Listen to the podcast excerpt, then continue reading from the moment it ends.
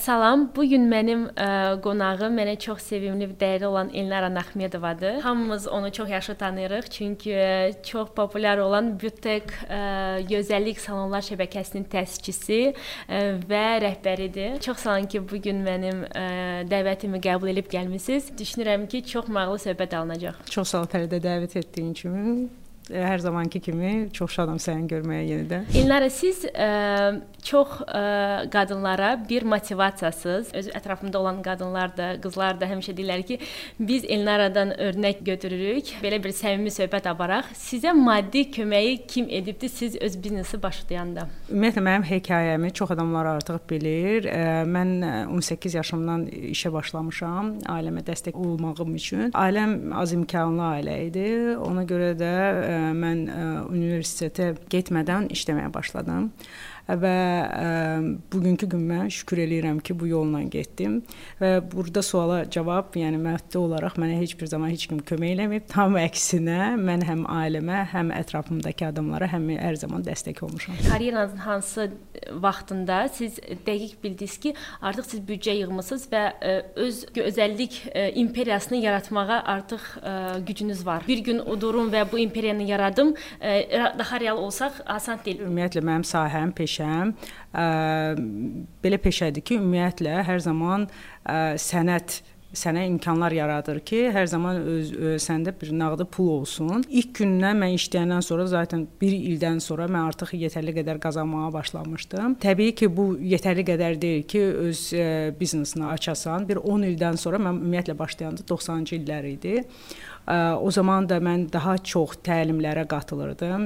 Çox vaxtı da xaricdə olan təlimlər və oradan artıq belə motivasiya, belə həvəslənmişdim ki, istəyirdim Bakıya dönüm, eyni şəkildə komanda şəklində çalışan bir salon yaradım. Çünki bilirsiniz ki, Azərbaycanda o zamanlarda və hətta bugünkü günə də belə bir fikir var ki, ustanın dalıcan hər bir yerə getmək. İnsanlar salona getmir, salon adına getmir, ustanın adına gedir. Bu stereotipləri mən istər istər-istəməz yıxmaq istirdim və bu məndə məncə alındı. Bir 10 il təcrübə yığıb sonunda mən öz salonumu açmağa qərar verdim. Ən və ən böyük üstünlüklərdən o idi ki, ilk gündən mən ə, gənclərə aksent verdim, gənclərə üstünlük verdim və ə, komanda şəklində işləməyə başladıq. Təlimlər başladım onlarla keçirmək.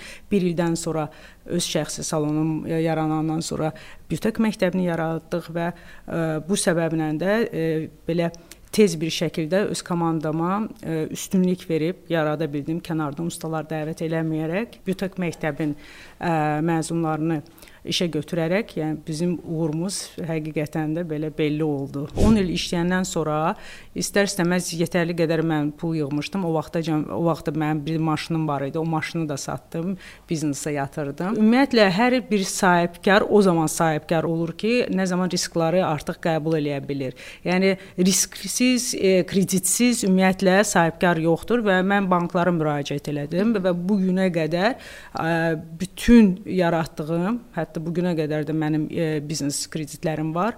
Yəni kreditlərin sayəsində elədim.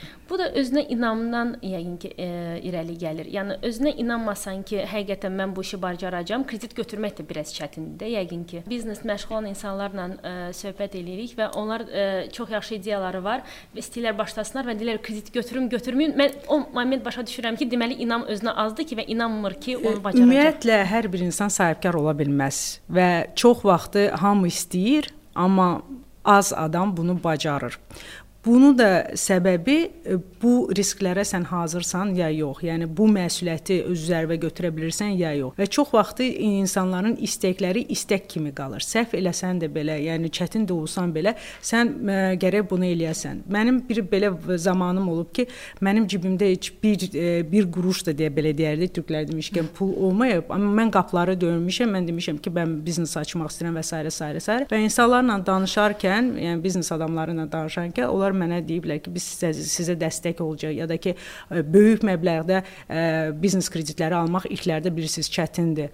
Və onlarla danışanda, bu güvəni onlara verəndə bir qadın kimi hansı ki, bir biznes qurmaq istəyir, bizim də ölkədə yetərli qədərə xanımlara indi diqqət yetirilir və həqiqətən də görəndə ki, məsələn, kredit istəyəndə ya da ki, hansısa bir iş birliyi etmək istəyəndə görəndə ki, həqiqətən də bu insan tam olaraq öz fikrini bildirə bilir, smetanı yaradır ya da ki, məsələn, hesabatı bilir. E, o zaman e, işini bilir. O zaman yəni insanlar açıq olur və imkanlar yaranır. İndi e, daha çox və biz hamımız bilirik ki, bu gözəllik sferasında qeyri-professionallar çoxalıbdır və bu xidmətlərin də qiymətlərini çox aşağı qoyurlar. Təbii ki, hansısa dempinq ümumiyyətlə olanda, belə qiymət salma olanda istər-istəməz bu hansısa tərəfdən biznesə təsir eləyir. Ümumi biznesə təsir eləyir. Bizim ümumiyyətlə sektorumuzda, yəni biraz siz qeyd etdiyiniz kimi qeyri-peşəkarlıq olduğu üçün tam ə, ümumi qiyməti xidmətlərə verə bilmirlər. Qiymət ümumiyyətlə bir tək ustanın peşəkarlığından ibarət deyil. Bunun içinə daxildir həm servisi, həm qazı, işığı, kirayəsi və s. s. Bizdə konsultasiyalarda artıq ə, ə, veririk başqa salonlara. Biz orada başa salırıq ki, bu dempinq qiymətlərin belə aşağı salınması bu da mənfi sizin özünüzə ilk öncə təsir eləyir. Amma yenə də bazarda müxtəlif qiymətlər olmalıdır. Hər bir təbəqə üçün fərqli-fərqli qiymətlər olmalıdır. Odur ki, e, sabahkı gündə o salon belə aşağı qiymətlərlə e, yaşamağa davam edə biləcəyi, fəaliyyət göstərə biləcəyi, davam edə biləcəyi o artıq sual işarəsidir. Amma e, yenə də biz özümüzə görə əminik, çünki biz ümumi e, gözəl bir servis göstərir və bir servisin haqqı təbii ki, o biraz yüksək ə, qiymətlərdir bizdə. İllər ümumiyyətcə bu gözəllik sferası ə, biraz ə, qara kölgəli iqtisadiyyat sayılır bizdə, Azərbaycanda. Ustalar ə, qeyri-rəsmi işləməyə ə, tərcih edirlər. Vergidən də yayınmaq istəyirlər, böyüyən açmırlar. Buna qarşı münasibətiniz və ümumiyyətcə bu necə mənfi təsir eləyir iqtisadiyyata və sizin işinizə? Dövlət qurumları buna diqqət yetirməlidir təbii ki, amma ə, istər istər-istəməz bu köynədən qalan bir şeydir. Çünki ə, e, gözəllik salonu sayəsində ə, e, çox belə açıq problemlər var. Ə, e, hələm ki, onlar həll olunmayıb. Mən qurumlara müraciət eləmişəm. İndi inşallah BÜTEK-in dəstəyi ilə, mənim dəstəyimlə bu standartlar ümumiyyətlə ustaların düzgün işləməsi, standartların yaranması bu sayədə düzəlməlidir, mütləq düzəlməlidir. Ölkədə insanlar biraz vergidən uzaqdılar. Biz Sovet dövründən qalan bir ölkəyik və insanlar vergi nədir? Məsələn, qorxurlar ümumiyyətlə hə, vergidən. Nədir? O belə bir şeylərdən ə, yəni qaçırlar. Amma mən hər zaman qeyd edirəm ki, biz bu ölkədə yaşayırıq. Yaşadığımız üçün, yəni bizi qorumaq üçün və sair yolların düzəlmək üçün pensiya imkanları yaxşı olmağı üçün mütləq və mütləq şəkildə işlədiyin yerdən, yəni bir qazancı payını məsələn xarici ölkələrdə hardasa 50%-dir, bizdə 25%-dir. Yəni vergiyə ödənməlidir. Bu da olmalıdır, amma bəzi məqamlar da var ki, dövlət qanunvericiliyində salonlara qarşı hansısa bir boşluqlar var. Onları da mən özüm çox vaxt müzakirə edirəm. İnşallah yaxın zamanda bir xeyrim bu ölkəyə dəyəcək və bu standartlar ümumiyyətlə qanunvericiliklə bağlı ə, çox şeylər salonlara qarşı dəyişəcək. Sizin üçün pul nə deməkdir? Nə qədər vacibdir və siz ə, pul üçünmü yaşayırsınız, yoxsa ki, tərsinə? Yox, mən materialist adam deyiləm.